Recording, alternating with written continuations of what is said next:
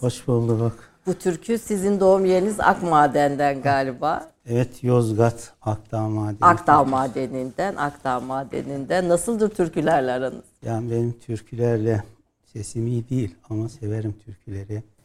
Dinlemeyi e, çok severim. Halk müziğinin e, sıkı takipçisiyim öyle diyelim.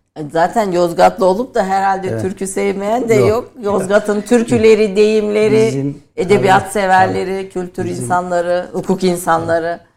E, Nida Tüfekçi Allah rahmet eylesin. Türk halk müziğine çok büyük katkıları oldu. Hem Yozgat'taki türküleri hem de Türkiye'nin pek çok yerindeki türküleri derleyip e, arşivlere, Türk müzik hazinesine, türküler hazinesine kazandırdı. Bu da onun derlediği türkülerden bir tanesi. Tabi Yozgat türküleri biraz içlidir.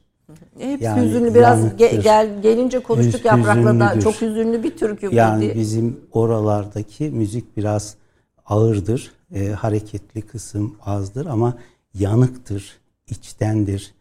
Bir yandan duyguları ifade ederken bir yandan da kültürü, inancı, felsefeyi, sevgiyi, saygıyı da anlatan bir felsefe de e, dinleyene aktaran türkülerdir.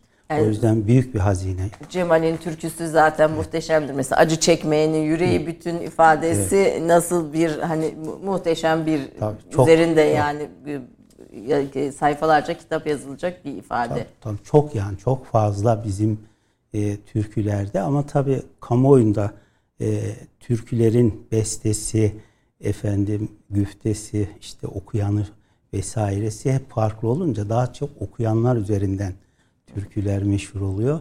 E, tabii bizim Yozgat'tan da çok kıymetli sanatçılarımız var. E, ama Türkiye'nin her tarafında bilinen sanatçılarımız çok fazla olmadığı için de biraz bizim türküler e, şeyde kaldı. Gölgede, Gölgede kaldı ama okuyan dinlendiği zaman şimdi hastane önünde incir ağacını dinlediğinde veyahut da işte bir sürmeli dinlediğinde veya bozlakları dinlediğinde bilmeden dinleyip bu nerenin türküsü diye sorduğunda hayretler içerisinde kalıyor. "Aa, bu da mı Yozgat'ın diyor. Evet Yozgat'ın diyor. Yani mesela pancar pezik değil mi? Yürek ezik değil mi? O da mesela bir Yozgat türküsü. Türküsü.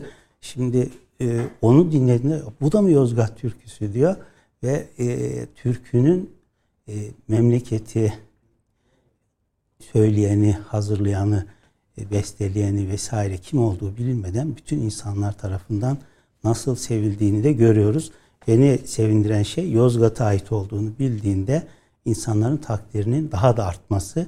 Üzüntüm de Yozgat'a ait olan bu eserlerin dinleyenler tarafından Yozgat'ın gönül eri veyahut da aşıkları, ozanları, sanatçıları tarafından söylendiğinin bilinmemesi, derlendiğinin bilinmemesi. Biz Bu buradan- da bizim bir eksiğimiz tabii. Evet söylemiş olalım. Bu kıymetli türkülerin aslında çok bildiğimiz ezberimizde, hafızamızda olan ve sürekli hüzünlendiğimizde, neşelendiğimizde de Tabii. söylediğimiz türkülerin büyük bir bölümü Yozgat'tan. Ee, bu Yozgat türkülerini söylemek kolay mı Yaprak? Kendine zor. has bir üslubu var. Çok açıkmış. Ee, o üslubun da dışına çıkmadan bence okumaya çalışmak lazım. O yüzden bu benim ses e, vüsatime de Ya, uygun bir uygun. eserdi. Bunu okumak istedim. Yani gırtlak ve Hata boğaz yapmamız. bizde çok daha böyle önemli yani sesin e, gırt, şimdi sanatçımızın yanında söyledim ama boğazı iyi kullanması gerekiyor. Yani boğazı Hançere gerekiyor. hançereleri iyi kullanmaz. Biraz eskilerin deyişiyle mahreçleri Evet. iyi kullanması gerekiyor. O da nefesi güçlü olanlar biraz güzel okuyorlar. Yani Gülşen Kutlu mesela ya, muhteşem o, o o. muhteşem okur. O, Bayram Bilge yani Tokerliğini. Bayram Bey de öyle. Onlar zaten Gülşen Hanım da biz Yozgatlı sayarız. Çok kıymetli sanatçımızı buradan saygıyla anıyorum. Evet. Bayram Bey de hakeza bunların üstadı sayılır. Bayram Bey'de konumuz olacak. Kıymetli Sonraki sanatçımız da haftalarda çok güzel söyledi. Çok Sesi de buna çok uygun. Boğazı da çok uygun. bu hastane e, e, türküsünün bir hikayesi var herhalde. Ya, hastane Akdağ Madeni Devlet Hastanesi var benim bildiğim kadarıyla. O hastanenin önünde de bir incir ağacı var. Hastanede yatan bir genç e, hasta. Tabi dermansız da bir hastalık. Tabip gelip, baş tabip gelip hastalıkla ilgili gerçekleri anlattıkça onu çok acı geliyor ona. Tabi o tedavi imkanları kıt Sınırlı. ve sınırlı o zamanki imkanlar içerisinde ve bunu söylüyor annesine. Ve bu söylenince o dilden dile Yayılıyor. yayılıyor ve daha sonra da e, sanatçılarımız bunları derliyorlar ve bugünkü sanatçılarımızın okuduğu hale geliyor. Yani da esasında bir hikayesi var. Bir e, acı var, yaşanmışlık var. Bizim oradaki türkülerin büyük bir kısmı e, yaşanmışlıktan türeyen türküler. Bizde de eskiden çok destanlar böyle elden ele satılır, dolaştırılır. Köyde, kentte olan herkes destanları alır, onları okurlar. Mesela en çok okunan kitaplar baktığınız zaman genelde bu aşk destanları, kahramanlık destanları. Mesela Yozgat'ta. Yozgat'ta Arzu ile Kamber, Ferhat ile Şiri, Leyla ile Mecnun ve benzeri e, e, daha Yunus Emre Adaloğlu ve pek çok Köroğlu bunların dair destanları, hikayeleri bilmeyen hemen hemen kimse yok. Bir de onun dışında da yaşanmışlıklardan çıkan hikayelerin üzerine destanlar yazılmış bir öğretmen tayin olur. Ee, Yozgat'ın Akdağ Madeni bir köyüne. Kış vakti tabi araç yok. Köye giderken yolda kurtlar saldırır ve orada da rahmetli olur. Yani bunun üzerine e, bir sürü destanlar Aslında yazılır. tüm duygusunu, Yani- hafızasını Türkiye tabii, Türkiye'ye aynen. dökmüş böyle. Türkiye acısını da türküyle dile getirmiş. isteklerini türküyle dile getirmiş. Umutlarını türküyle dile getirmiş. Ve taleplerini türküyle dile getirmiş. Esasında türkü sadece acıyı söylemek veya sevgiyi anlatmak değil, bir de dünyadan ve yönetenlerden, aileden, toplumdan, çevreden beklediklerini ve geleceğe dair umutlarını dile getirmek Demek için de büyük bir araç, büyük araç bir vasıta. haline gelmiş. Tabii Evet. sizin isyan e, şeylerinizde isyan eden beyleriniz falan da var. Hani Yozgat'ın böyle hikayeleri de var tarihin ta derinlerinde, e, içlerinde. E, Bizde isyan onu biraz Çapanoğlu vesaire hani hani şöyle söyleyeyim. Bizde isyan eden beyler yok. Ya o bir yanlış algılama var geçmişte. e, bizde devletine sadık beyler var. Osmanlı döneminde ve daha e, önce daha sonra Yozgat'ın tarihinde devlete baş kaldıran kimse yok. O dönemdeki Kurtuluş Savaşı yıllarındaki işlerin perde arkası bazıları açılmış olsa Çapanoğlu'na ve Yozgatlı'ya büyük bir haksızlık yapıldı. O zaman çok net, bu- çok nettir. bu tarihi bir konuşalım. Yani bu, Sonra başka tabii bu bir başka program. bir zaman konusu. Bunu keşke tarihçilerle konuşsanız. Konuşsak, evet. Bizde devlete sadakat vardır. Vatan, millet, bayrak, ezan konusunda taviz yoktur. Vatan işgal altındayken o işgale karşı mücadele edenlerle omuz omuza mücadele vardır. Yozgatlılar Gazi Mustafa Kemal Atatürk'le beraber bu mücadelenin hem Doğu cephesinde hem Çanakkale'de hem de her yerde var olmuş onlarca yüzlerce şehidi olan bir yer. Şu anda da Türkiye'de terörle mücadele sırasında en çok şehit veren, en çok gazisi olan illerimiz arasında yer almaktadır. O yüzden bizim kültürümüzde Yozgatların geleneğinde devlete isyan yoktur, isyancı da yoktur. Evet. Ya o çok yanlış bir e, aktarımdır. Keşke bir gün onu uzmanlarla ben yoktu o, bunu bir şey Çapanoğlu hikayesi üzerinden Çapanoğlu yola çıkarak bunu kahramandır. Evet. Devletine sadık, Atatürk'e de sadık ve kurtuluş mücadelesine de bağlı bir kahramandır. Peki efendim. Osmanlı'ya da sadıktır. Zaten Osmanlı'da Sancak Bey'dir. Daha sonraki dönemde de hakeza öyle. Hala torunları var hayatta. Onların hepsi devletine, milletine sadık, tertemiz insanlar. Anladım. Peki. Yanlış yazılar temiz insanları kirletmez. Tarihin e, düze, belli notlarının düzeltilmesi Kesinlikle. gerekiyor. Kesinlikle. Efendim şimdi o türküler umutlarımızı da hayallerimizi de anlatıyor dediniz. Siz e, Akdağ Madeni köyünde e, ilçesi orası bölgeyi tam olarak bilmiyorum. Yozgat'a gittim ama sizin yaşadığınız Bizim, bölgeye gitmedim. Evet gitmedim bölgeye. Ee, orada e, ortaokul okuyorsunuz, sonra Yozgat'ta lise, sonra ilahiyat okuyorsunuz, sonra hukuk fakültesi okuyorsunuz. Ee, hem ilahiyat hem hukuk eğitimi görüyorsunuz ve sonra da hem siyasetin e, hem meclisin çok önemli görevlerinde bulunuyorsunuz. Ee, sizin o yıllarda daha Ankara'ya gelmeden diyeyim, siyaset sizi Ankara'ya getirmeden hayalleriniz, umutlarınız neydi? Ee, sizi temsil eden hayal neydi? Ne, ne olmak istiyordunuz bütün bu yol hikayesinde. evet işin doğrusu tabii başlangıçta e, ortaokula ilk başladığımızda benim rahmetli annem, rahmetli dedem Biraz sesinizi yükseltebilir misiniz? annem, rahmetli dedem ve nenem onlar okutmak konularını konuşurken şöyle bir maksat söylerlerdi. Derler ki öldüğümüzde arkamızdan üç kulhü bir elham okuyacak evlat bırakalım. Yani onlar benim ne ilahiyat okumam, ne hukuk okumam, ne de bugünkü geldiğim görevlere gelmem gibi bir düşünceleri yoktu. O zaman tabi e, pek fazla böyle dini bilen insan da kalmamıştı. Yoktu. Ölenlerin arkasından e, Fatiha okumak e, çok önem arz ediyordu. O dönemde de hayırlı bir evlat yetiştirmek, işte onun için hiç olmazsa arkamızdan üç kulhü bir elham okusun diye bir benim e, okumamla ilgili bir düşünceleri vardı. Onlar beni İmam Hatip'e vermek istediler. Sonra İmam Hatip'lerde yer bulamadılar. Çok rağbet vardı, yeni açılmıştı. Kaydolamadık biz. Tokat'a gitti rahmetli dedem. Yozgat'a gitti, Kayseri'ye gitti.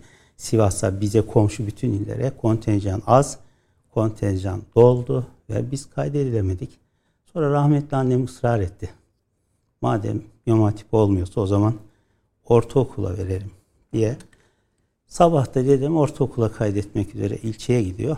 İlçeye gittiğinde de bir anons orada diyor ki Akdağ Madeni'ne İmam Hatip Lisesi açıldı. Hı hı. Öğrenci kayıt yaptırmak isteyenler buyursun gelsin. Böylelikle ben Akdağ Madeni İmam Hatip Lisesi'ne ilk kaydedilen öğrencilerden birisi oldum.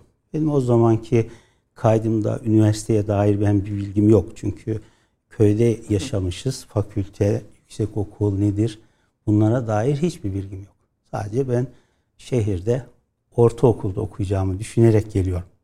O zaman o, o dönemde. Nasıl böyle oluyor? Tabii oraya geldikten sonra ben ortaokulda üniversiteyi, fakülteyi, e, başka şeyleri oradaki öğretmenlerimizden, o çevrelerden biz öğrendik bir hatıramı anlatmak isterim. Benim babam bir dönem Suudi Arabistan'da kaçak işçi olarak çalıştı orada.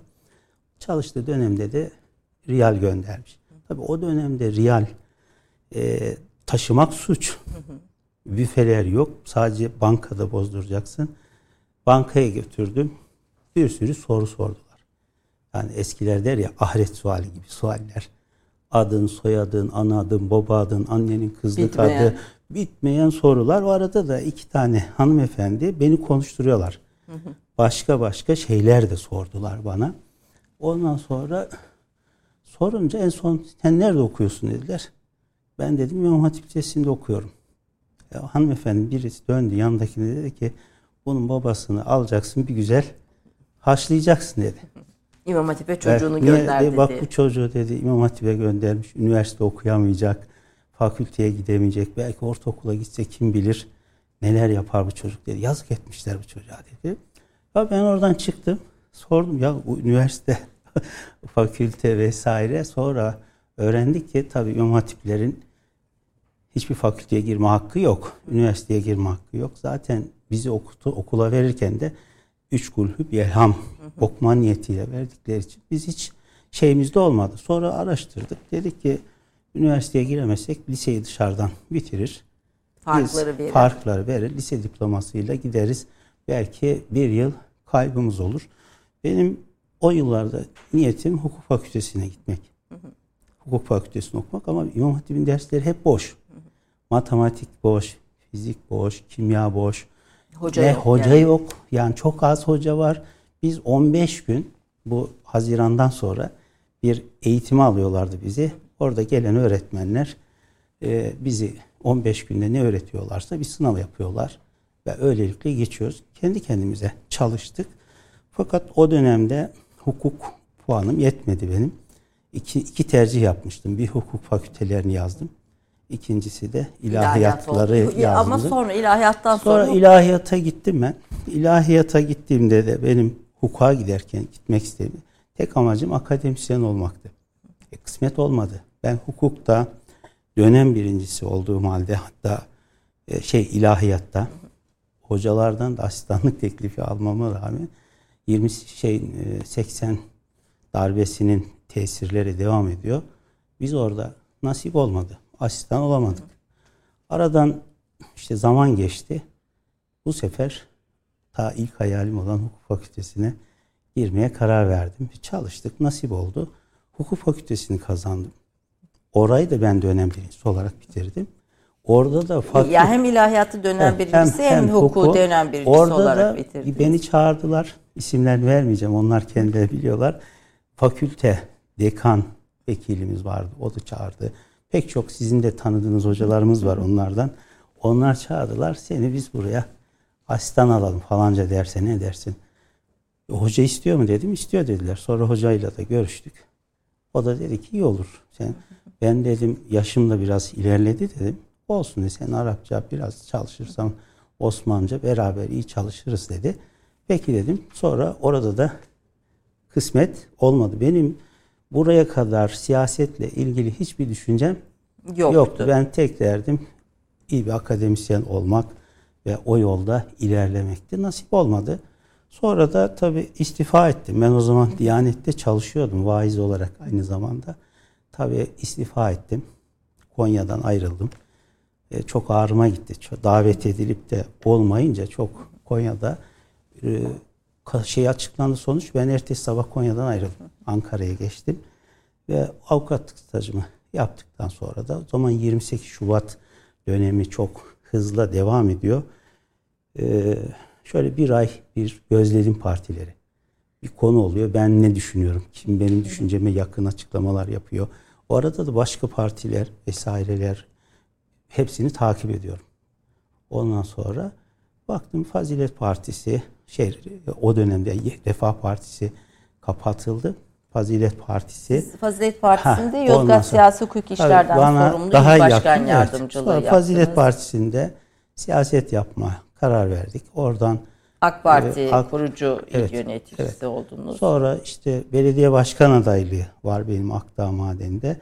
Siyasi hukuki işler il başkan yardımcılığı var.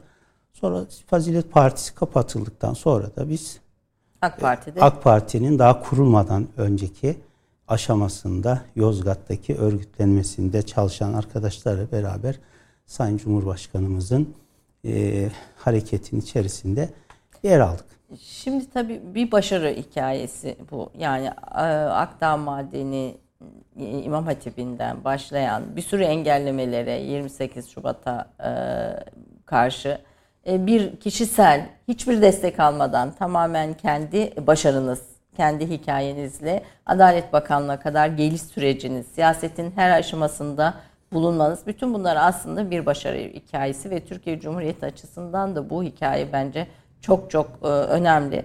E, siz daha sonra partide MKYK üyeliği yapıyorsunuz. 2002-2007'de, 2005'te e, AK Parti seçmişlerinden sorumlu genel başkan yardımcılığı göreviniz var. 22, 23, 24, 26 ve 27 yasama dönemlerinde Yozgat Milletvekili, e, Türkiye Büyük Millet Meclisi Adalet Komisyonu üyeliği, Grup Başkan Vekilliği, 61, 62, 64, 65. hükümetlerde Adalet Bakanlığı, Başbakan Yardımcılığı, Hükümet Sözcülüğü, Cumhurbaşkanı e, Başdanışmanlığı, Anayasa Komisyonu Başkanlığı mecliste yine ve tekrar Adalet Bakanlığı. Bu Adalet Bakanlığı'na getirildiğiniz, e, geldiğiniz dönemlerin içinde.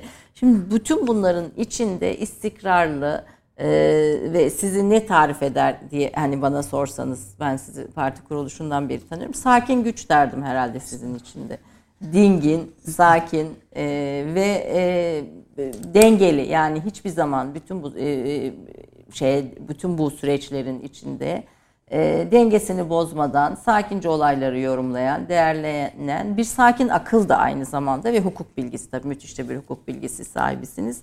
Yani bu bir başarı öyküsü bence. E, buraya geleceğinizi e, belki hayal dahi etmiyordunuz ama hani muhteşem bir hikaye çıkmış ortaya diye düşünüyorum. Şimdi benim de şöyle bir inanç var. Ben işte hem ilahiyatta hem hukukta çok istememe ve hak ettiğime de çok inanmama rağmen e, asistan olamayınca tabi üzüldüğümü gören arkadaşlardan böyle birisi bana dedi ki sen dedi ilahiyatçısın dedi. Olan da hayır vardır. Demiyor mu Allah?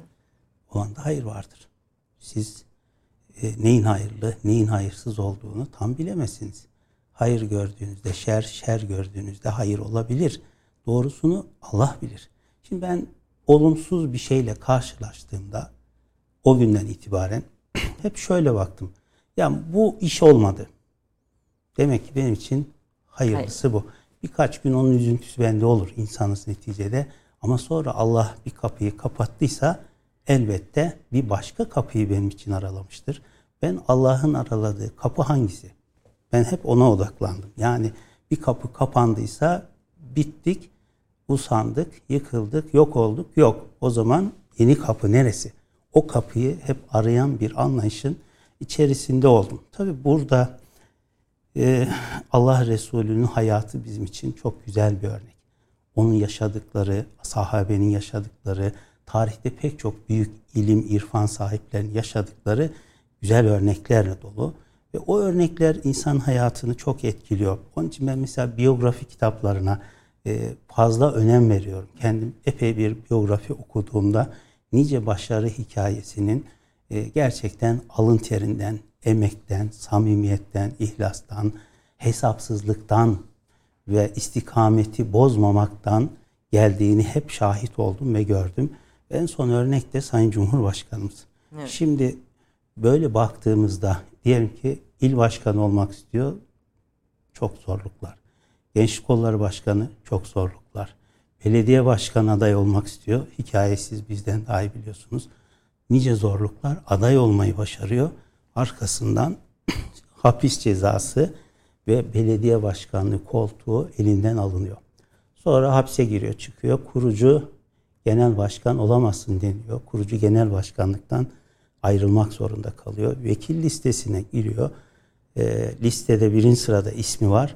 YSK listeden ismini siliyor. Şimdi Sayın Cumhurbaşkanımız bunca olumsuzlukla hapisle bence nice şeyle karşılaşıyor ve hiçbirinde yılmak yok, bıkmak yok, usanmak yok, vazgeçmek yok. Yetti gari demek yok. Her defasında daha büyük bir azimle işin üzerine gidiyor. Onun için ben herkese örnek göstererek diyorum ki olumsuzluklar size, gücünüze güç katmalı. Siz de öyle yola gitmelisiniz. Ben Akdağ'dayken ilk belediye başkanı siyaset Akdağ'da döner zannederdim. İl başkanı, vekiller fazla bunlara tesiri yok. Acemiyiz bilemiyorum. Sonra bir baktım il çok etkili. Sonra Ankara'ya geldim. Ankara hepsinden daha etkili. Sonra baktım ki genel merkez hepsinden daha etkili. Sonra biraz daha e, Ankara'da kalınca gördüm ki esasında en etkili olan şey çalışmak, üretmek, ürettiğini başkalarının fark etmesini sağlamak. Eğer siz çalışır, üretirseniz zaten başkaları sizi fark eder. Sayın Cumhurbaşkanımızın Türk siyasetine kattığı pek çok değer var.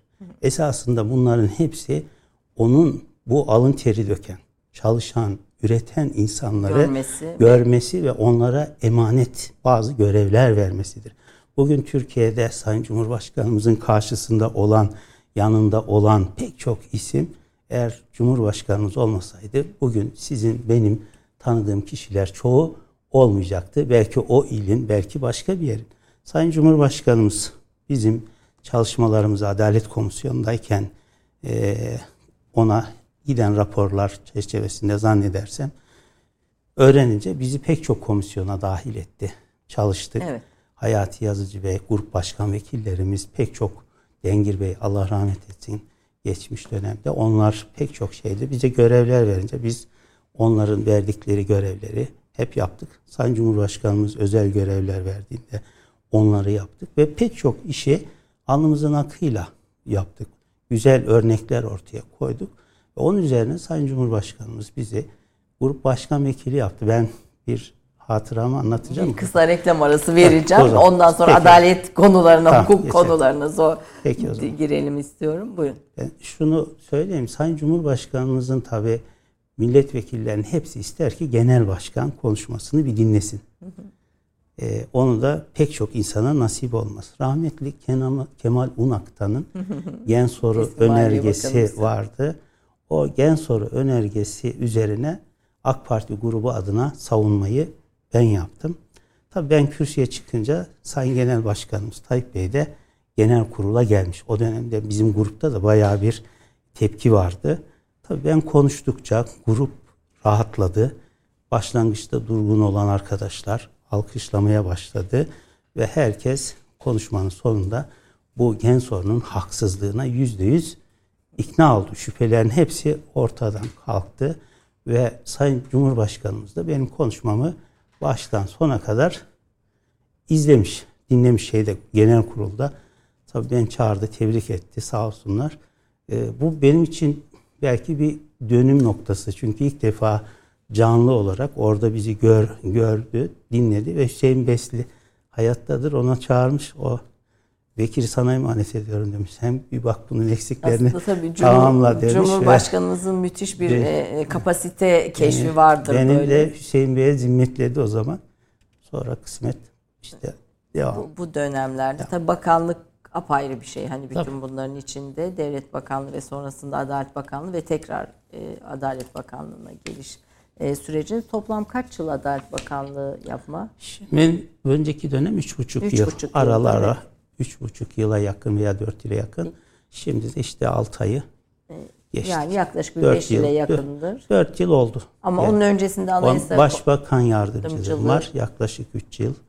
2011'in Temmuz'undan 2013'ün 25 Aralığına kadar bir de 9 Temmuz'dan 18 şey 24 Haziran 2019'a kadar şey 2018'e kadar e, öyle bir başbakan yardımcısı. Biraz bakanlık konularını konuşacağım ama e, tabii adaletle ilgili de önümüzde çok başlık var, çok so- sorumuz var. E, her şeyden önce bu kadına e, yönelik şiddet meselesinde çok duyarlı olduğunuzu daha bakan olur olmaz açıkladınız.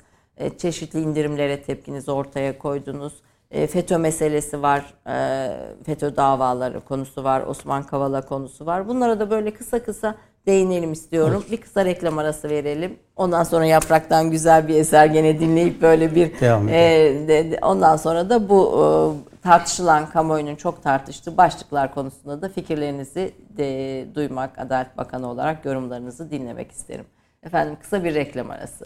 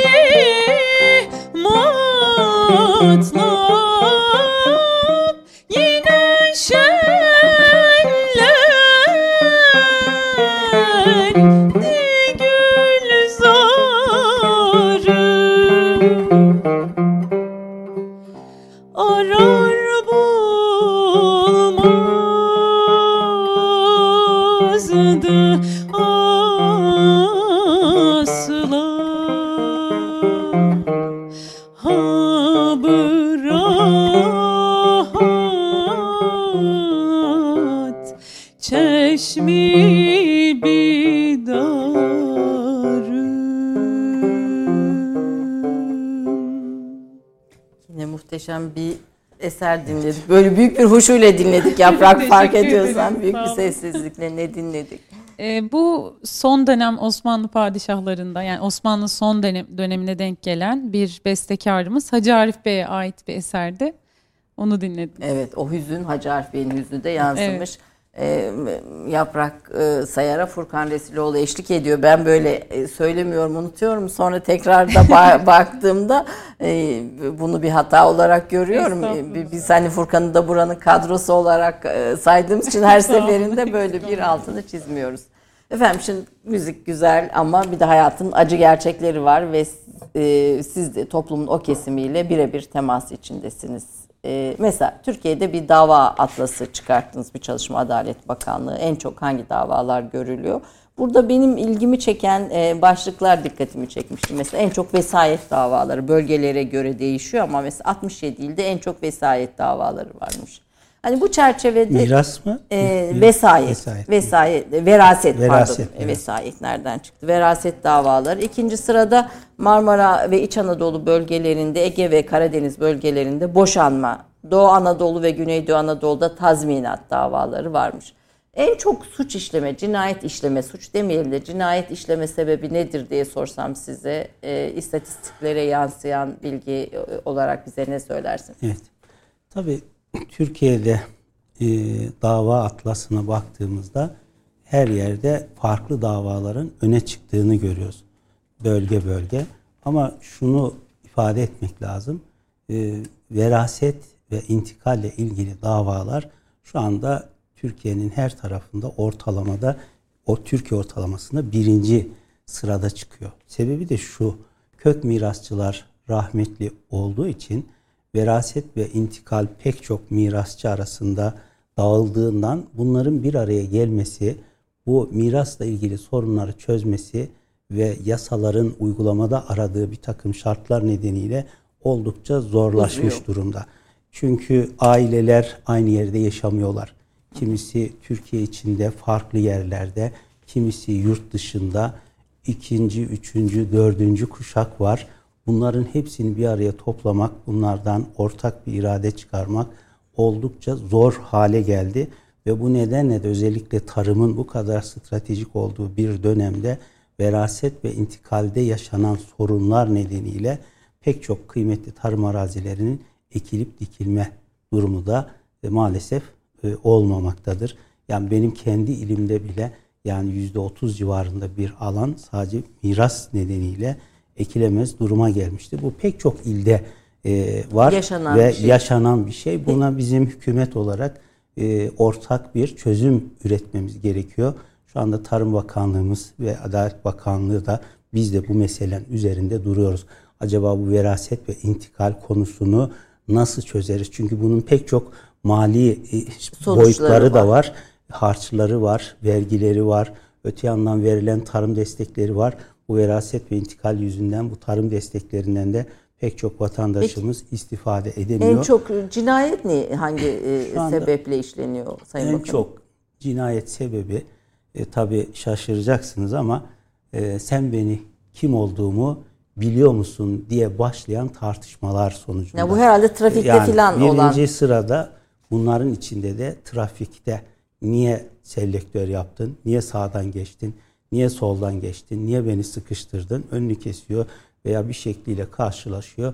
İnince de sen benim kim olduğumu biliyor musun diye başlayan tartışmalar maalesef e, büyük oranda demeyelim ama önemli bir kısmı cinayetle sonuçlanıyor. Şu Ve anda bütün hayatını karartıyor. Şu, an, tabii, hem şu anda hem kasten öldürme suçlarının içerisinde terörü vesaireyi çıkardığımızda birinci sırada trafik tartışmaları nedeniyle e, yaşanan olaylarda meydana gelen cinayetleri görüyoruz. Maalesef çok üzücü. Bunun pek çok sebebi var ama bir tanesi şu.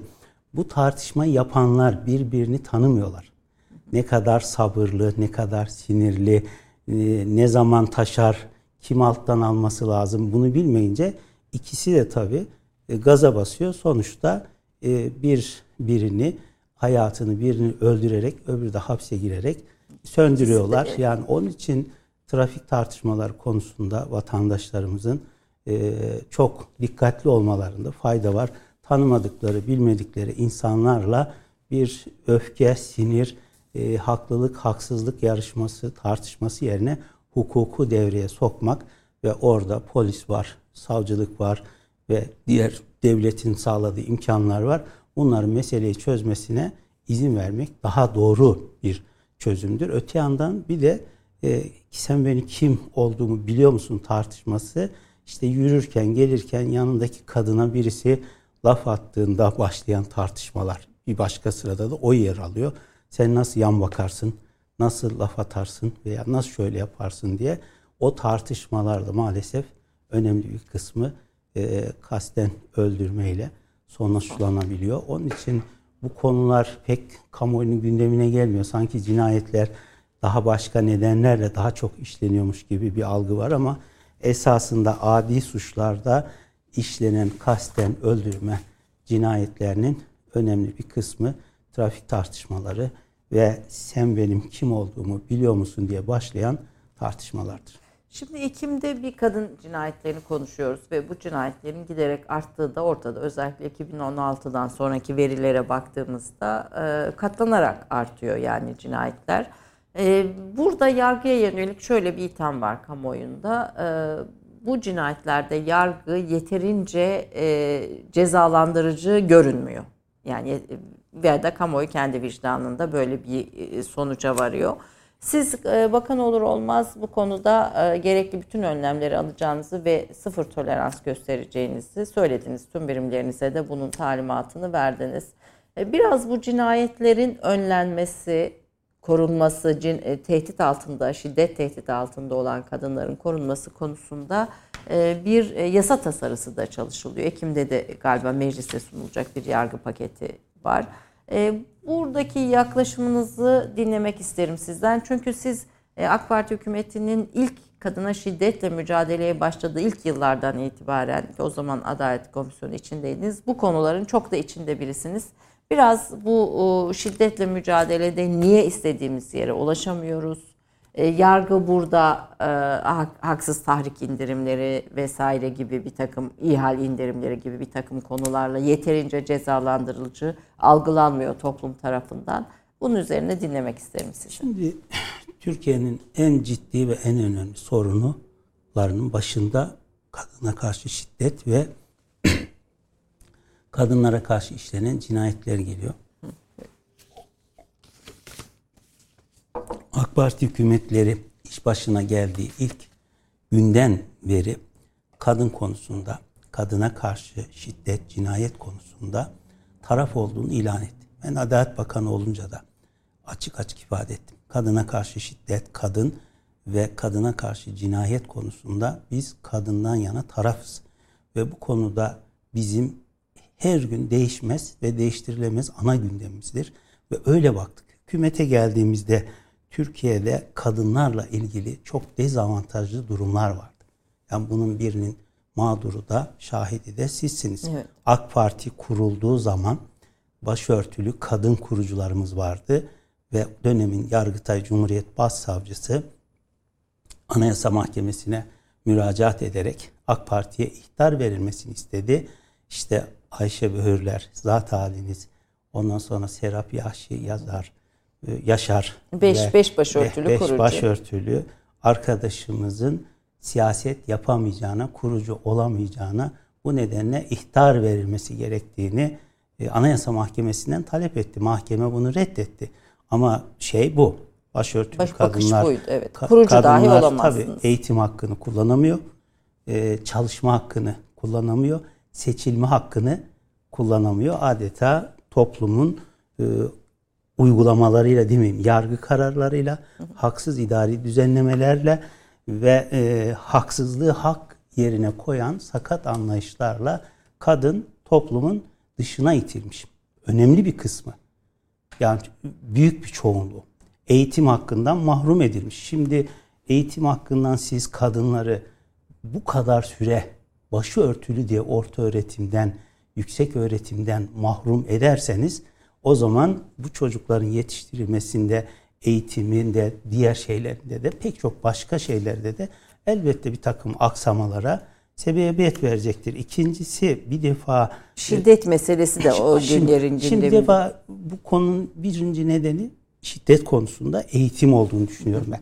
Eğitim konusunda devletin ayrıcalıklı tutumu son derece yanlış olmuştur. Bir defa eğitimde bu işle eğitim yoluyla önleyici hukuk dediğimiz bir hukukla mücadele etmemiz gerekir. Yargının devreye girişi kadının şiddet mağduru olmasından sonradır. Kadının hakkında cinayetin işlenmesinden sonradır. Suç işleniyor, yargı ondan sonra devreye giriyor. Biz kadın öldükten ya da şiddet mağduru olduktan sonra faile ceza verdik. En ağır cezalar zaten yasamıza koyduk. Ama öte yandan e, kadını bundan koruyacak mekanizmalara, yaşatacak mekanizmalara, şiddet mağduru ol etmeyecek mekanizmalara bizim ihtiyacımız var. Burada bizim bir e, bu eğitim konusunda ta okuldan, aileden başlayarak bu eğitim konusunda devletin birinci derecede sorumluluğu var. Ailelerin sorumluluğu var, öğretmenlerimizin sorumluluğu var, üniversitelerimizin sorumluluğu var. Hepimizin ortak sorumluluğu var. Bunun üzerinde bir durmamız lazım. İkincisi ceza kanunu bir kültür oluşturur. Cezalandırmada da bir kültür oluşturur. Ben şimdi yanında size bir örnek getirdim. İzninizle onu buradan e, ifade etmek isterim. Bizim ceza kanunumuzun 765 sayılı kanunun 453.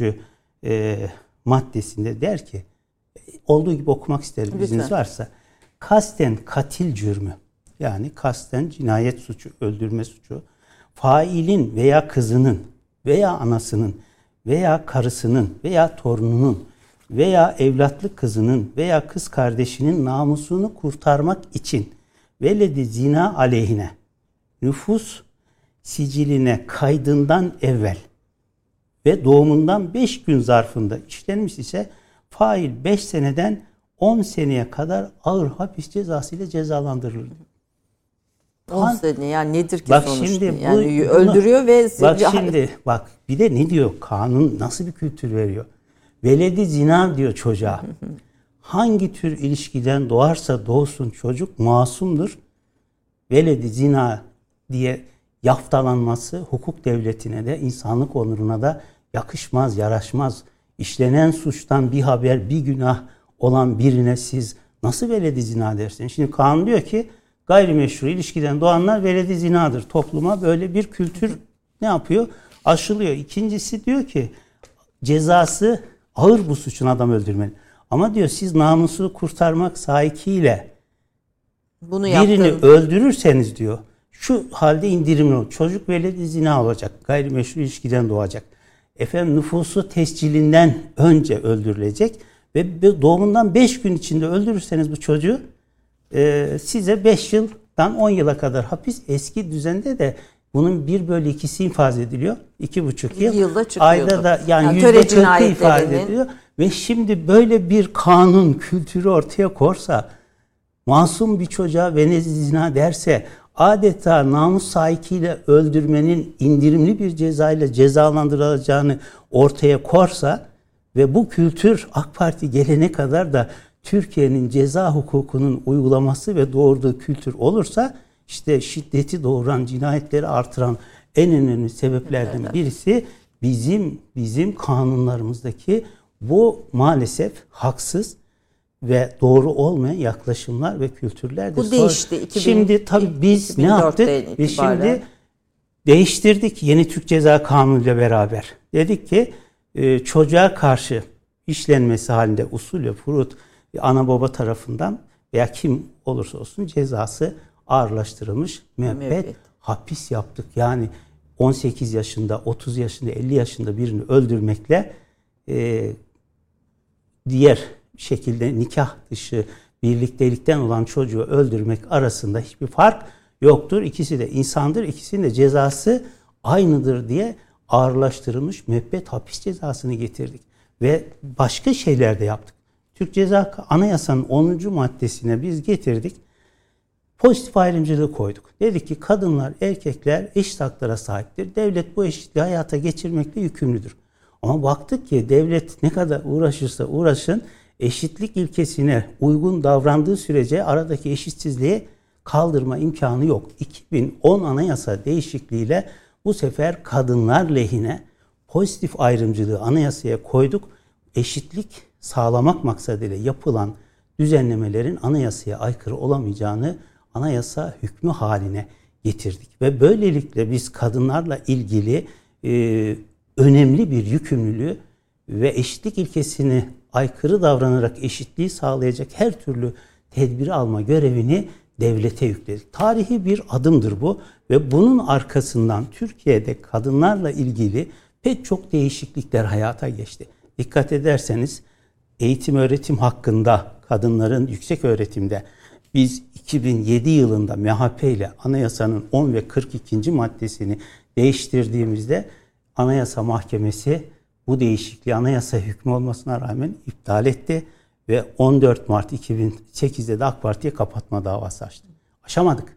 Ama 2010'dan sonra attığımız adımlarla ne yaptık? Orta öğretimde, yüksek öğretimde eğitim hakkından kimse yoksun bırakılamaz diye anayasa hükmünde olmasına rağmen yoksun bırakılan kadınlarımızı eşit hale getirdik. Çalışma hayatında eşit hale getirdik. Seçilme hakkını kullanmada eşit hale getirdik ve ceza uygulamalarında da kadınla erkek arasındaki haksızlıklara son veren çok düzenlemeler yaptık. Bizim ceza kanunu çok önemli. Kadın, kız, bakire, bekar, dul kadınları çok değişik şekillerde tasnif ediyor. Ve biz bunların hepsini kaldırdık, kadın dedik. İkincisi ceza kanunu, Türk Ceza Kanunu 765 sayılı ceza kanunu suçun mağduru olarak kadını birey gibi kabul etmiyor. Mesela şahsi cürümler diye bir bahis var orada. Şahsa karşı işlenen suçlar. Onların içerisinde efendim cinsel saldırı suçları yok. Şimdi onu nerede düzenmiş? Nizama aile ve adabı umumiyeye aykırı cürümler faslı altında düzenliyor. Bununla, bu suçlar nizam aile ve adabı umumiye aleyhine işlenen cürümlerdir. Şimdi siz eğer kadına karşı cinsel saldırı ve diğer suçları iffete vesaireye dönük hepsini siz kadına karşı değil de adab-ı umumiye, nizamı aileye, ırza, iffete karşı suçlar diye nitelerseniz orada kadını görmüyorsunuz demektir. Sizin önem verdiğiniz şey kadın değil, kadındaki diğer değerlerdir. O zaman da kadını birey gibi görmeyince bu kültür ne yaptı? Bu şiddeti besledi. Şimdi bu kültürü biz yıktık. Kadını birey yerine koyan, kadına karşı işlenen her suçu kadına karşı işlenmiş suç kabul edilen ceza hukuku anlamında ilk defa Türkiye'de kadını cinsel saldırı ve bu nitelikli suçlar bakımından birey kabul eden anlayışı 5237 sayılı Türk Ceza Kanunu'yla biz hayata geçirdik. Ve şimdi töre sahikiyle işlenen cinayetler vardı biliyorsunuz. Aile toplanıyor, bir karar alıyor ve bir sürü insan e, o kararı icra ediyor ve sonra bunlar bir takım indirimlerden de yararlanıyor. Biz töre sahikiyle birinin öldürülmesini ağırlaştırılmış müebbet hapis cezası yaptırımına bağlı. İlk defa biz getirdik koyduk. Ya şimdi bütün bu güne kadar gelen yasalar şiddeti önlemeye yönelik e, ve kadını korumaya yönelik yasalar e, uygulanıyor mu peki hakkında? Uygulanıyor. Uygulanıyor. Bundan yani İstanbul da, Sözleşmesi'nden çekilmek e, bir e, engel oluşturdu mu bu yasaların şimdi, uygulanmasına bakın, ilişkin? Avrupa raporlarında buna dair notlar uluslararası var. Uluslararası sözleşmeler hukukunu bizim iyi bilmemiz lazım. Türkiye'de taraf olduğu uluslararası sözleşmelerin hiçbirisi iç hukukta doğrudan uygulanmaz. E, bir üst bizim, çatı. Bizim bizim anayasanın 90. maddesine getirdiğimiz hüküm var biliyorsunuz. Türkiye'nin usulüne göre yürürlüğe konulmuş Türkiye'nin taraf olduğu insan haklarına ilişkin sözleşmeler ile kanunların çatışması halinde insan haklarına ilişkin sözleşme hükümlerini üstünlük tanıyan bir düzenlemeyi biz anayasamıza getirdik koyduk. Ama buna rağmen iç hukukta doğrudan bunun uygulanmadığını hepimiz biliyoruz. İç hukukta uluslararası sözleşmelere ilişkin uygulama kanunu yapılırsa bu kanun uygulanır. Örneğin kadına karşı cinayet bizim iç hukukumuzda İstanbul Sözleşmesi olmadan önce de vardı. Yaptırma bağlıydı.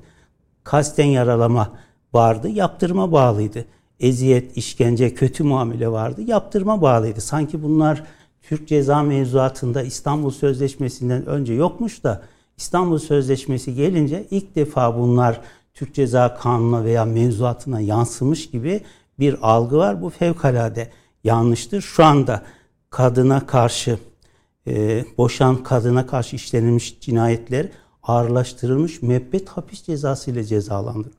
Kim tarafından işlenirse işlensin kasten yaralama suçu aile içi şiddet bakımından resen takibe bağlı. Yani şikayet aranmaksızın resen takip edilir hale geldi. Ve bu da son derece önemli bir başka adım oldu. Ve diğer pek çok düzenlemeyle biz bunları ne yaptık? En ağır cezalara bağladık. Öte yandan İstanbul Sözleşmesi'nden Türkiye çekildi ama o sözleşmenin uygulama kanunu olan 6284 sayılı kanun şu anda yürürlükte. O kanun uygulanıyor. Yani dolayısıyla o kanundaki hükümler Türk mevzuatının bir parçasıdır. İç hukukumuzun bir parçasıdır ve onlar şu anda uygulanıyor. Onun için Türkiye'nin kadına karşı şiddet ve kadına karşı cinayetle mücadelesi İstanbul Sözleşmesi'ne indirgenemez. İndirgenirse Türkiye'ye bu büyük haksızlık olur. Bizim şiddetle mücadelemiz devam ediyor. Fakat siz yine mesela Pınar Gültekin davasında haksız tahrik meselesi vardı e, ve buna vicdanı sızlattığını e, söylediniz. Haks, haksız tahrik nedeniyle indirim e, evet. uygulanmıştı. E, bunun gibi bir takım kamuoyunun çok tartıştığı davalar var ve bu davalarda e, yargı tarafının e, bakışı elbette dava dosyasına hakim. Yani kamuoyu hiç kimse dava dosyasına hakim değil. Oradaki detaylara hakim değil. E, doğal olarak yargı tarafı o dosyadaki e, detaylara hakim ve bir karar veriyor. Burada siz haksız tahrik indirimiyle ilgili e, e, yeni bir düzenleme yapılacağını söylediniz. Bunu konuşalım fakat kısa bir reklam arası vermek Olur. durumundayız. Bir reklam arası verelim. Ondan sonra e, bunun cevabını sizden almak istiyorum. Süremiz de çok azaldı. Böyle hızlıca e, gidelim istiyorum. E, kısa bir reklam arasından sonra buradayız.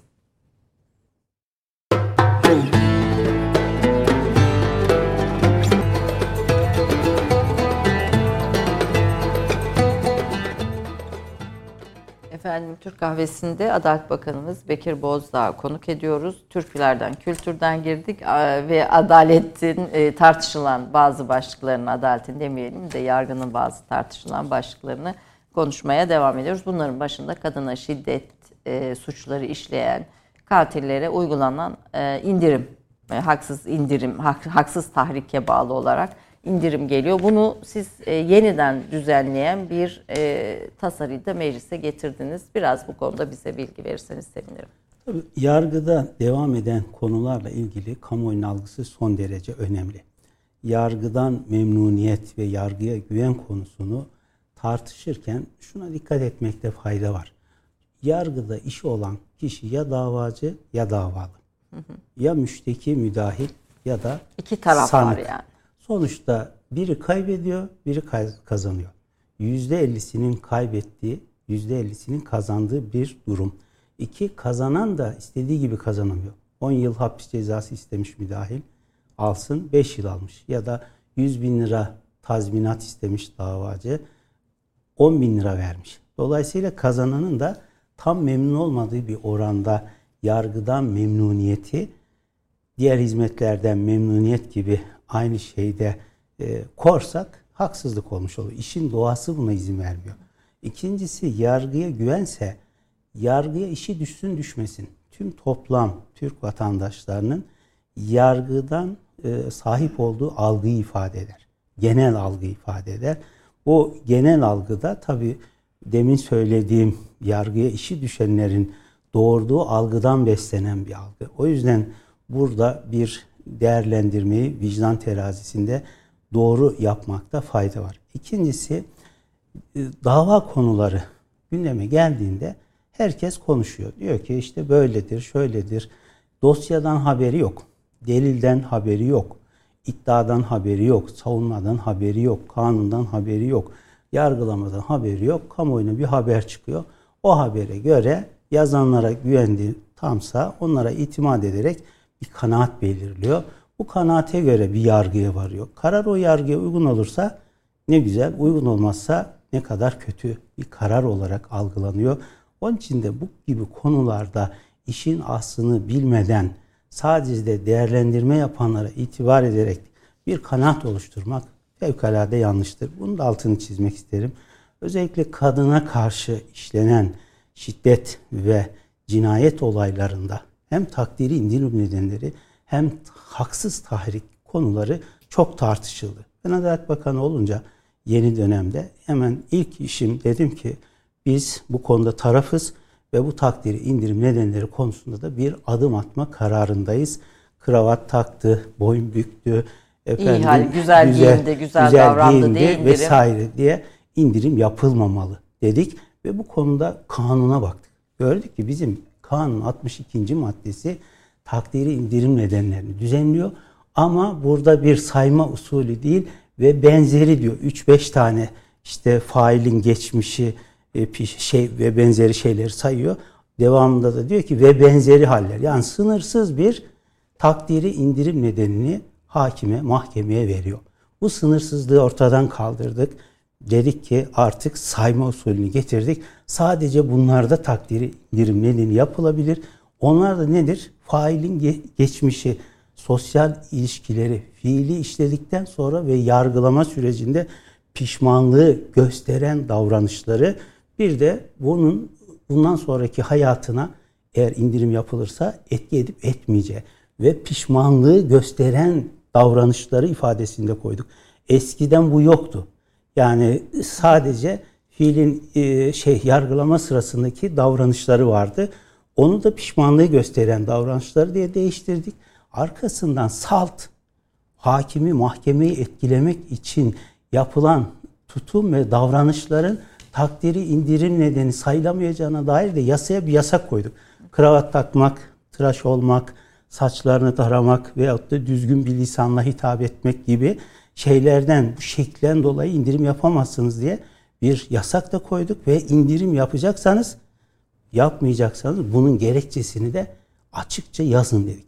Ve bu önemli bir değişiklik oldu. Ben eminim ki yeni uygulamalarda bunun yansımaları görülecektir. Bunlar Gültek, Gültekin davasına gelince bu davanın tabi yargılama süreci devam ediyor. Devam ettiği için burada bir şey yargılamanın içeriğine dair bir şey demem Adalet Bakanı olarak doğru olmaz. Ama şunu davadan bağımsız olarak ifade etmekte fayda görüyorum. Bu haksız tahrik uygulaması binlerce yıldır sadece Türk hukukunda değil, dünyanın her hukuk sisteminde olan bir uygulama. İhtiyaç olan bir uygulama. Çünkü bazı şartlar, durumlar olduğunda bu uygulama adalet terazisinin doğru tartması verilen cezanın hakkaniyete uygun olması bakımından gerekebilir. Bunu mahkeme elbette takdir edecektir. Ama canice ve canavarca işlenen Tabii. suçlar Ama için Ama bizim bunu kim takdir ediyor? Mahkeme takdir ediyor. O zaman uygulamada bizim bu konuyu bir tartışmaya ihtiyacımız var.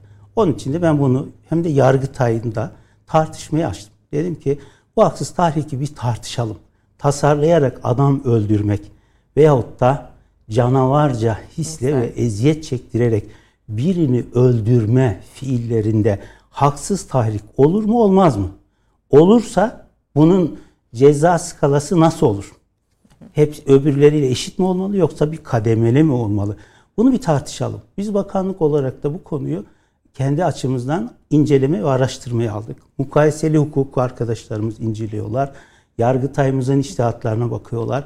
Ayrıca ceza hukukçularımızla bu konu uzmanlarıyla hukukçularımızla bu konu konuşuluyor, tartışılıyor ve biz e, bu tartışmaların sonucunda haksız tahrik uygulamasına ilişkin bir değişiklik ihtiyacı ortaya çıkarsa bu değişiklik konusunda adım atmak hususunda kararlıyız. Ben Yargıtay'da konuşmamda da söyledim. Esasında bu konuda yol gösterici iştihat oluşturma konusu Yargıtay'ımızın elindedir. Yargıtay'ımız bu konuda yol gösterici bir iştihat ortaya koyduğunda bugünkü madde de pek çok haksızlığı ortadan kaldırmaya yetiyor. Yani orada bir şey yaptığında, e, iştihat geliştirdiğinde e, eski klasik iştihatlarını tekrarlama yerine yeni bir bakış açısı ortaya koyduğunda ben sorunun önemli bir kısmının çözüleceğine yürekten inanıyorum. Çünkü kanun ne yazarsa yazsın sonuçta iş uygulamada bitiyor. O kanuna hayat veren ilk derece istinaf ve yargıtay da görev yapan hakimlerimizin kararlarıdır. O kararlar, kanunu doğru anlar, doğru uygularsa elbette ki buradaki sorunlar önemli bir kısmı, önemli ölçüde aşılmış olur. Ben kendi kendime tasarlama, tahrik altında tasarlama çok soğukkanlı bir. Evet. Canavarca hisle yani bu tahrikle canavarca bir hisle işlenen suç arasında nasıl bir bağlantı var? Yani canavarlık ayrı bir şey. Tahrik ani bir şey oldu. Siz evet, yaptınız. Yani bu tahrikin süresi ne kadardır? Bir ay mı, iki ay mı, üç ay mı?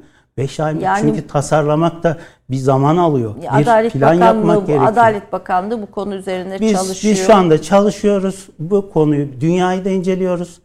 Türkiye'yi de inceliyoruz. Hukukçularımızla, yargıtayımızla, cezacılarımızla istişare halindeyiz. Bu konuda yani somut, caydırıcı aslında yargı kararlarının caydırıcı olması için çaba sarf Yargı ediyoruz. kararları zaten cezalar bizde çok ağır. Kadına karşı cinayetin cezası ağırlaştırılmış müebbet hapis. İnfazı da terörle eşit. Yani 4 bölü 3 şey 3 bölü 4. Yani kadına Ceza. karşı şiddetin cezası terörle eşit. infazı infazı terörle eşit. Aldığı cezanın dörtte üçünü içeride geçirmesi gerekiyor. Bir de ağırlaştırılmış müebbet hapis cezası alıyor. Yani çok büyük bir ceza alıyorlar bunlar. Ve süreli hapiste dörtte üçünü geçiriyor. Ağırlaştırılmış müebbette ise tabi 30 yıl içeride kalması gerekiyor. Çok ağır bir ceza. Ee, en ağır ceza yani şu anda bizim hukuk sistemimizdeki en ağır ceza ağırlaştırılmış müebbet hapis cezası.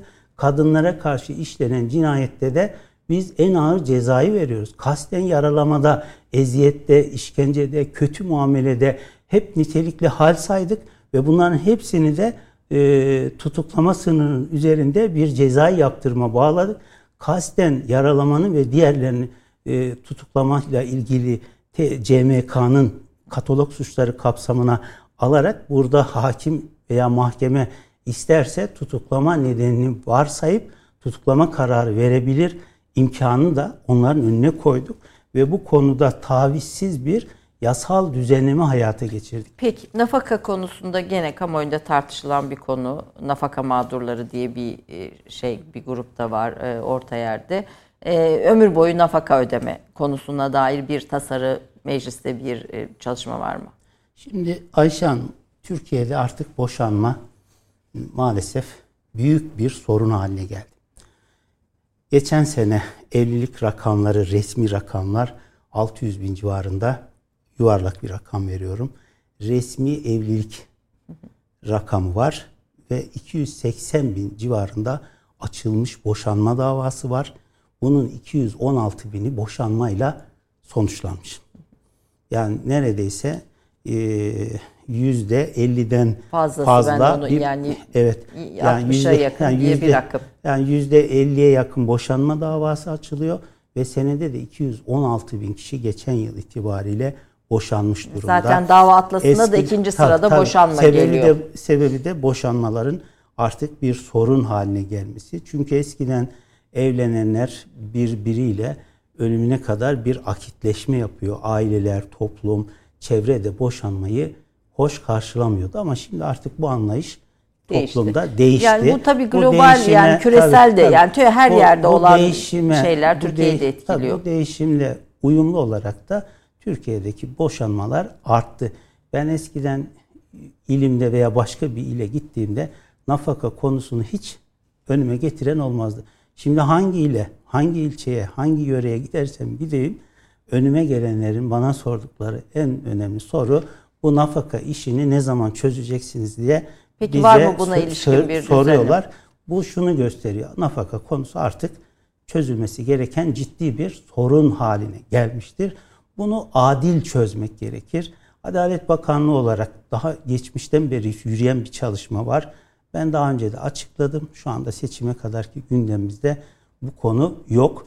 Ama bu konu Türkiye'de çözüm bekleyen sorunlardan bir tanesi. Muhtemelen seçimden sonra bu konu ele alınacaktır. Şu kadar da söyleyeyim. Türkiye'de nafaka 1988 yılına kadar süreli nafaka. O zaman Medeni Kanun'da bir değişiklik yaparak süresiz nafaka haline getirmiş. Hatta bazı hukukçular efendim kanun değişikliğine gerek yok. Zaten onu süreli. şey hakim takdir edip süreli yapabilir diyor. O doğru değil. Çünkü süreliyi siz değiştirip e, yerine bu düzenlemeyi getirince o düzenlemenin e, semantiğinden de süresiz olduğu zaten çıkıyor. Yargıtay iştahatlarında da bunun süresiz nafaka olduğu söyleniyor. Anayasa Mahkemesi'ne de kadar götürülmüş. Mahkeme de bunun süresiz nafaka olduğunu e, ifade etmiştir. Dolayısıyla burada bir yasal değişiklik ihtiyacı ortadadır. Bu sorun muhtemeldir ki önümüzdeki yıllarda gönlümüz arzu etmiyor boşanmalar hiç olmasın ama öyle görünüyor ki boşanmalar e, devam edecek. Nafakaların ve ödenmesine ilişkin bir istatistiksel veri var mı elimizde Sayın Bakanım? Şu anda bizim elimizde yani kaçta kaçı ödeniyor? Şöyle söyleyelim. Şöyle bir ödenme konusunda veri yok da tam. Hı hı. Belki vardır ama şu anda benim elimde yok. Ee, şu kadar söyleyeyim. Bu boşanmaların 216 bin boşanmada 25 bininde aile mahkemesi nafakaya hükmetmiş. Hı hı. 25 bininde. Bu ne demektir? Yani 196 e, bin işte neyse 216 bin evet işte yani o öbüründe nafaka hükmü yok. Büyük bir yani kısmı, 8'de biri gibi yani bir şey. büyük bir kısmı nafaka ya talep etmiyor, anlaşarak boşanıyorlar ya da anlaşma metninin içerisine nafakayı koyuyorlar. E, o yüzden de bu rakam 25 bin içinde gözükmüyor. Ama e, çekişmeli boşanmada nafaka olduğu için ayrıca hükmedildiği için onun istatistiki verileri bizim elimizde var. Ama anlaşmalı boşanmalarda ne kadarını nafaka üzerinde anlaşma var Yani aslında var, göründüğü yok. kadar, kadar kamuoyunda sesini Şimdi, çıktığı tabii, kadar ama çok. Ama şöyle sesi çıktığı çok. 1988'den bu yana bu her yıl 2021'de 25 bin. 2020'de her var ve her yıl böyle baktığınızda yaklaşık 600 e, bin civarında bir e, bu konuda şey var. Hmm, Tabi anlaşmalı boşanmalarda olan kısımda korsak onu tam bilemiyoruz. Bayağı yani bir önümüzde bu, veri var. Yani büyük bir rakam var. Burada adalet terazisini koruyacak hem Şimdi kadın lehine kadının hem erkeği koruyacak. koruyan ve erkeğin de hakkını koruyan bir adil düzenlemeye ihtiyaç var. Bir gün nikahlı kalıp e, nafaka yükümlü altında olan var. Üç gün var, beş gün var. Bunlar çok olmayabilir, az olabilir. Ama öte yandan da 30 yılını, 40 yılını birlikte geçirmiş bir kadının boşanma hali var. Yani bizim taslaklarımızda da şu anda zaten 30 yıl, 40 yıl birlikte olanlar için böyle bir sınır falan öngörülmüyor. Öngör. Zaten onlar için belli Değil. yani daha ziyade bu erken yaşta boşanmalar için bir e, Çalışma. sınır var. Yukarıdakilerle ilgili daha büyük kademe ve ama belli bir yaşın üzerinde olan evlenme ve efendim çalışma imkanları ve diğer şeyleri şey olanlarla ilgili tabi onların hakkını, hukukunu koruyan bir e, çalışma. Yani bu çalışma çıktığı zaman elbette herkes adil olduğunda müttefik olacaktır. Evet. Çünkü kadın ve erkeğin ortak rızası olmadan bu çalışmayı biz hayata geçiremeyiz. Adalet Bakanlığı olarak da kadınların onayını almadan bu adımı atmayacağız. Evet, kadınların onayı alınmadan Alacağız. bu adım atılmayacak. Tabii mahkemelerin uzaması ile ilgili de sormak istiyordum ama bu FETÖ ve Osman Kavala meselesinde kısaca çok az vaktimiz kaldığı için girmek istiyorum. Ee, geçenlerde Yargıtay'dan tepki çeken bir FETÖ davası kararı oldu. 66 askeri öğrenciye verilen müebbet hapis cezası bozuldu. Ee, bir bu konuyu kamuoyu tartışıyor. Bu konuda sizin de yorumlarınız var mı? Bir onu sormak isterim. FETÖ davasında neredeyiz? Biz Amerika'dan e, istediğimiz suçlular var. E, bunun durumu ne oldu? Bu NATO meselesiyle İsveç e, ve Finlandiya'dan e, istediğimiz 33 kişi vardı. Bunlara ilişkin de kısa e, bilgiler paylaşırsanız sevinirim. Şimdi demin de söyledim. Yürüyen davalar hakkında ben Adalet Bakanı olarak konuşmam. Konuşamam. Evet. Doğru değil. Şimdi e, Yargıtay'ın bozduğu e, dava darbeye teşebbüs suçuyla ilgili kısmı e, bozdu. Orayla ilgili kısmı bozdu ama diğer darbeye yardım etme, FETÖ üyeliğiyle ilgili kısımlar e, devam ediyor devam ve ediyor. ilk derece mahkemesi bozma kararına uyar uymaz bütün bunların hepsi de ayrıca ilk derece mahkemesinin takdirinde yeniden istinaf ve yargıta yaşaması var. O yüzden bunun üzerinde bir değerlendirme yapmayı doğru görmem. Hukukun sağlıklı işlemesi ve doğru işlemesi evet. bizim temennimizdir. Öte yandan FETÖ ile ilgili e, davalarla alakalı da şu ifadeleri, şu rakamları paylaşmak isterim. Yani 1 Temmuz itibariyle bugüne kadar FETÖ ile ilgili 676.411 kişi hakkında adli işlem yapıldığını hı hı. görüyoruz. Bunlardan şu anda derdest olan 69.688 e, der, derdest dosya var. Devam ediyor. E, öte yandan adli işlem bugüne kadar yapılan kişilerden yukarıda verdiğim toplam rakamdan 107 bin, 117 bin, 280, 208 kişi hakkında mahkumiyet kararı verilmiş. 87 bin 519 kişi hakkında beraat kararı verilmiş. 322 bin 187 kişi hakkında ise soruşturma aşamasında takipsizlik kararı verilmiş. E, cezaevlerinde şu anda 19.030 FETÖ üyeliğinden e, yatan bulunmaktadır. Bunlardan 3.901'i hüküm özlü. Yani e, hüküm hakkında hüküm verilmiş ama kesinleşmeyi bekliyor. 13.970'i hükümlü e, olup 1159'da tutuklu var. Evet. E, ve ayrıca şu ana kadar 181.450 kişi hakkında da adli kontrol kararı vermiş. Tutuklama yerine adli kontrol tedbiri uygulanmakta. 29.455 kişi hakkında da yakalama kararı var. Bunlar şu anda yakalanmamış. Bizim Amerika Birleşik Devletleri dahil pek çok ülkeden istediğimiz FETÖ'cü teröristler var. 110 ülkeye 1133 dosya FETÖ mensubu hakkında 1234 iade talebinde bulunmuşuz. Bugüne kadar 3 iade talebimiz kabul edilmiş. İkincisi Romanya tarafından, bir tanesi de Cezayir tarafından kabul edilmiş. Şu ana kadar bazı ülkelerde İçişleri Bakanlığı'ndan aldığım verilere göre 121 e, FETÖ mensubunu Türkiye'ye iade etmiş. 28 ülkeden e, iade var. Bunların toplamını koyduğumuzda 28 ülkeden bugüne kadar 124 FETÖ'cü Türkiye'ye iade edilmiş durumda. FETÖ'cülere bir kalkan oluşturulduğunu düşünüyor musunuz? Ya düşünmüyor değilim. Söylüyorsun. Hakikat bu. Sadece Interpol'den değil. E, Amerika Birleşik Devletleri bugüne kadar Türkiye'nin terörist başı Gülen dahil hiçbir FETÖ'cü ile ilgili iade talebine e, olumsuz ya da olumlu bir cevap vermemiştir. Hatta ben en son gitmemde daha önceki bakanlığın döneminde gittiğimde Dedim ki bizim dosyamız yeterli delille dolu. Eğer bu dosyada iade olmayacaksa dünyada hiçbir dosyada iade olmaz. O da dedi ki biz dedi bunu adli makamlara göndeririz ama sizin aleyhinize karar çıkar. O yüzden göndermiyoruz dediler. Ben de dedim ki siz gönderin Amerikan adli makamlarına. Biz onlara güveniyoruz. Karar aleyhimize çıkarsa biz Amerikan hukuku çerçevesinde itirazlarımızı yapar, hakkımızı savunuruz. Siz gönderin dedim. Bizim için endişe etmeyin. Gönderin adli makamlara. Amerikan Adalet Bakanlığı adli makamlara dosyayı göndermeye cesaret edemedi. Çünkü göndermiş olsaydı adli makamlar ben eminim ki öyle bir dosyada iade kararı verilmezse hiçbir dosyada verilmeyeceğini düşünecek iade kararı verecekti ve göndermediler. Şu anda Almanya, Fransa, İngiltere pek çok ülke.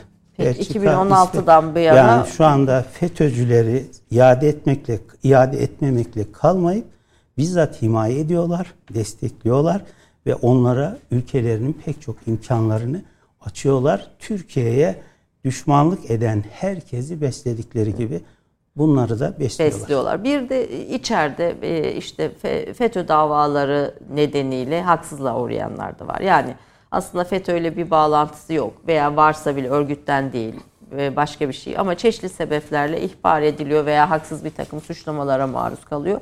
Toplumda buna karşı da e, tepkiler var. Bu konuda ne dersiniz? Bu konuda hassasiyet teraziniz nedir? Bizim bu konuda toplumdaki bütün tepkileri bakanlık olarak biz de dikkate alıyoruz. Şimdi demin verdiğim rakamlara bakarsanız 676 bin kişi, küsür 411 bin kişi, 411 kişi hakkında adli süreç başlatılmış. Bunlardan şu Çoğu ana kadar e, tabi bun, bunlara bakarsan 322 bin kişi hakkında 22 bin 187 kişi hakkında kovuşturmaya yer olmadığı kararı verilmiş. Bir defa hiç dava açılmamış.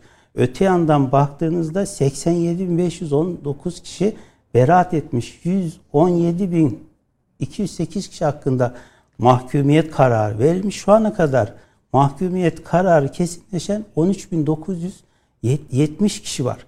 181.450 kişi hakkında adli kontrol kararı vermiş. Yargı önüne gelen her olayı kılı kırk yararcasına bir terazide tartıyor. Ancak şunu ifade etmek lazım.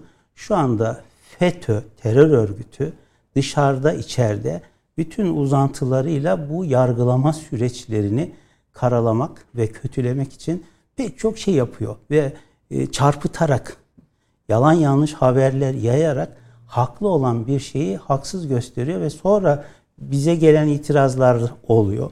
Bize gelen sizin gibi değerli tanıdıklarımız oluyor. Onların önüne biz bu konuyu koyunca zaten pek çok konuda açıklama yapıyoruz. Bunlarla ilgili de yapıyoruz.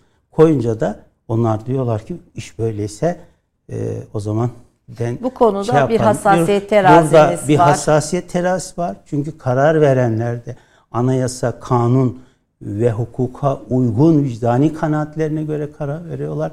Hem hukukla bağlılar hem vicdanlarıyla bağlılar. Vicdanları da hukukla bağlı. Herkes bu işin sorumluluğunun bilincinde karar veriyor. Biz de bakanlık olarak bu işlerde yanlış olmaması için eğer yasadan kaynaklı bir şey varsa yasal değişikliklere gitmekte hiç tereddüt etmedik. Bakın hükümet olarak bunlarla ilgili konuda çok biz hassas davrandık. Özellikle ihraçlarla ilgili konuda Türkiye Cumhuriyeti Devleti çok net davranmıştır. KHK'lar çıkarıldı. İlk ya olağanüstü hali ilan ettik. Biz biliyorsunuz ilan edince uluslararası sözleşmeler askıya alındı işin doğası gereği. Ve bütün bunlar yargı denetimine kapalı olan işler ve biz hepsini resmi gazetede yayınladık. Sonra Sayın Cumhurbaşkanımız bunları meclise sevk edelim dedi. Biz meclisin denetimini açtık. Orada görüşülmeyebilirdi. Sonra gene dedi ki görüşelim. Görüştük. Anayasa Mahkemesi'nin denetimini açtık. Anayasa Mahkemesi'nin bütün bu KHK'ların hepsi denetiminden geçti. Daha sonra haksızlık iddiaları artınca, çoğalınca ihraçlarla ilgili olağanüstü hal işleri inceleme komisyonu altı, adı altında bir komisyon kurduk. Ve bu komisyona itiraz eden herkesin müracaat etmesini söylendi ve bu komisyon şu ana kadar e, görev süresi zannedersem bu ayın içinde bitiyor. E, bütün şeyleri 2000 civarında dosya kalmıştı. E, büyük bir kısmını inceledik, karara bağladı. Yaklaşık 20 bin civarında bir e, iade kararı verdi. Bu komisyonun şöyle bir önemi var. Bu komisyonun kararından sonra artık bütün ihraçlara yargı yolu açıldı. Ve idari yargı, Danıştay, oradan netice alamazsa bireysel başvuru, e, Anayasa Mahkemesi oradan netice alamazsa Avrupa İnsan Hakları Mahkemesi'ne kadar bütün hukuk yollarını biz açtık. Türkiye burada haksızlık yapmak değil, bir hakkı tesis etmek için adım attı ve kendine güvenen adım attı. Peki, Bugüne kadar yargının iade ettiği herkes de görevine başlamıştır. Ortada KYK mağduru diye bir ifadeyi de ben kabul etmiyorum. KYK'larla kimse mağdur edilmiş değil. Ortada FETÖ eğer bir mağduriyet varsa FETÖ'den kaynaklı mağduriyet. 251 şehit, 2191 gazi. Yani bu kadar. Tabii, şimdi dolayı bunlar biz KYK var. mağduruz diye konuşacaklarına çıkıp şunu niye demiyorlar? FETÖ bizi aldattı. Eğitim dedi, öğretim dedi, din dedi, iyi ahlak dedi, iyi insan dedi. Biz bunların böyle bir canavar, böyle bir iç hesabı olan Amerika'ya uşak terörist kendi meclisine, kendi cumhurbaşkanına suikast düzenleyecek, halka tank sürecek, bomba atacak caniler olduğunu bilmiyorduk. Bu bizi mağdur etti, bizi kandırdı deyip devletine kucak atsa olmaz mı? Ama Peki. FETÖ ağzıyla herkes devleti suçluyor. Bir de dönüp ona bir terörist desinler. Peki FETÖ ile mücadelede atılacak yeni adım ve stratejiler de illaki bu mücadele devam ediyor. 15 Temmuz'u e, yeni iki e, gün önce tekrar hatırladık. Hafızalarımız tazelendi. Bu mücadele devam ediyor. Yeni adım ve stratejiler var mı? Bir de artık bittiğini söylüyor programı e, yönetmenimiz. Osman Kavala davasına ilişkin sizin yorumunuz nedir? FETÖ'yle ve terörle Türkiye'nin mücadelesi uzun soluklu bir mücadele. Çünkü gerek PKK, gerek FETÖ, gerek DHKPC, bilimum terör örgütleri e, başta Amerika olmak üzere pek çok devlet tarafından aleni desteklenen, beslenen, finanse edilen, silah verilen örgütler gizlemiyorlar bunları. Türkiye'nin ve dünyanın kamuoyu önünde yapılıyor. Fransa'sı da yapıyor, Almanya'sı da yapıyor, hepsi yapıyor. Hiç karışık. Şimdi dolayısıyla onlar güçlü bir Türkiye istemiyorlar. Türkiye'ye karşı düşmanlık duyguları besleyebilecek, zafiyeti olan, hastalığı olan, ihanet potansiyeli yüksek olan herkese yatırım yapıyorlar. Onların menfaati için değil. Türkiye'yi e, rahat bırakmamak, huzursuz etmek, karışık tutmak, bunlarla meşgul etmek, gücünü, potansiyelini, enerjisini bunları harcatmak için yapıyorlar. Ben hep söylüyorum, bir daha söylemek isterim. Eğer Türkiye'nin 40 yıllık PKK ile mücadelesi, FETÖ ile mücadelesi, DHKPC ile mücadelesi, DAEŞ'la terör örgütleriyle mücadelesi olmasa biz burada kaybettiğimiz canları kaybetmesek, onlar vatanına milletine hizmet etmiş olsa, harcadığımız kaynakları harcamasak, oralara da yatırıma dönüşmüş olsa acaba bugün Türkiye'nin ekonomik, siyasi, sosyal gücü nasıl olurdu? Onlar istiyorlar ki güçlü Türkiye olmasın. O yüzden sürekli besleyeceklerdir. Sürekli destekleyeceklerdir. Biz de sürekli bununla mücadele edeceğiz. Evet. Etkin, kararlı mücadele istikrarlı bir biçimde devam, devam edecek edecek. terör bitene kadar. Kavala ile ilgili konuya gelince Türkiye Cumhuriyeti Devleti Avrupa İnsan Hakları Mahkemesi'nin kararlarına uymayı taahhüt etmiş bir ülkedir. Bugüne kadar da Avrupa İnsan Hakları Mahkemesi'nin kararlarına en yüksek oranda İnsan Hakları Mahkemesi'nin kararlarına uymayı taahhüt eden ülkeler içerisinde uymuş bir ülkedir. Şu ana kadar ortalaması 80,20, %80,20 Avrupa İnsan Hakları Mahkemesi'nin uy- kararlarına uyma oranı üye ülkeleri. Türkiye'nin oranı %87,98 yaklaşık %98'dir. Kavala konusunda Türkiye Avrupa İnsan Hakları Mahkemesi'nin verdiği ihlal kararına 10 Aralık 2019'da uymuş ve uygulamıştır. Ve bu uygulamadan sonra Kavala'nın avukatları konuyu Anayasa Mahkemesi'ne taşımışlar. Tutukluluğu başka bir dosyadan, başka bir suçtan devam ettiği için uymadı diye Türk Anayasa Mahkemesi de hayır bu ayrı bir dosya, ayrı bir suç. İhal, Avrupa İnsan Hakları Mahkemesi'nin kararına Türk Mahkemesi uymuştur diye karar vermiştir. Şimdi Avrupa Konseyi Bakanlar Komitesi'ne bu konu gitti. Ve Avrupa İnsan Hakları Mahkemesi'nin önünde şu anda 72 binden fazla dosya var. Büyük daire dediğimiz bu Avrupa Konseyi'nden gelen işleri denetleyen ya da bizde temiz gibi denen bir üst yerde ise 22 tane dosya var. Bu 22. dosya. En son giden dosya. Ve bu dosyalardan en erken gelenin bekleme süresi bir buçuk yıl. Ben daha bir şey söyleyeceğim. Yunanistan'da biliyorsunuz soydaşlarımız var. Evet. Spor dernekleri, gençlik derneklerinin isminde Türk kelimesi geçiyor diye idari makamlar bu dernekleri kapattı. Yargıya gittiler. Yargı idareyi haklı buldu. Ahim'e götürdüler. Ahim hak ihlali var dedi ve Yunanistan tam 2008'den beri bu kararlara uymuyor ve uygulamıyor. Ve büyük dairenin önünde bekliyor. Büyük daire bu kararı Avrupa İnsan Hakları Mahkemesi'ne götürüp görüş daha sormadı. Yunanistan uydu mu uymadı mı? Fransa'nın, Almanya'nın pek çok ülkenin kararı var. Buradan şunu söylemek istiyorum.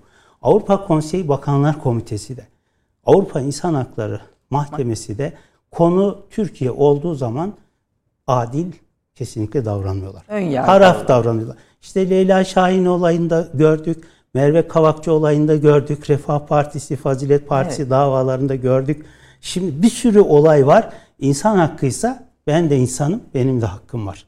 Evet. Bana da diğer insan gibi davranması lazım. Türkiye'de bu hakları talep eden bir ülke. Türkiye'de eşit davranması lazım. Maalesef adil davranmadığını, tarafsız olmadığını düşünüyorum.